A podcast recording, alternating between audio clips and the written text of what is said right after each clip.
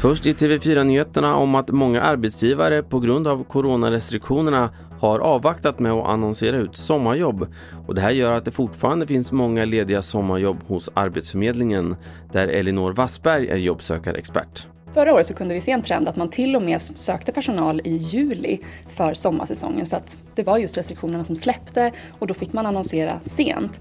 Och eh, vi kan ju se att nu finns det arbetsgivare som är ute nu också söker och troligtvis kommer det komma än fler i, ja, senare i vår och sommar.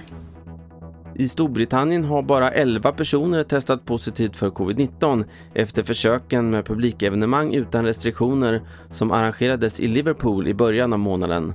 Drygt 13 000 personer deltog dels vid en konsert med bandet Blossoms och dels under två klubbkvällar och en affärskonferens. Och till sist kan vi berätta att slagerartisten Jon Henrik Fjällgren fick 29 röster för sitt parti Samerna och har därmed röstats in i Sametinget.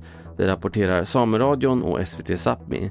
Flest personröster totalt fick jakt och fiskesamernas partiledare Håkan Jonsson som kryssades av 606 personer.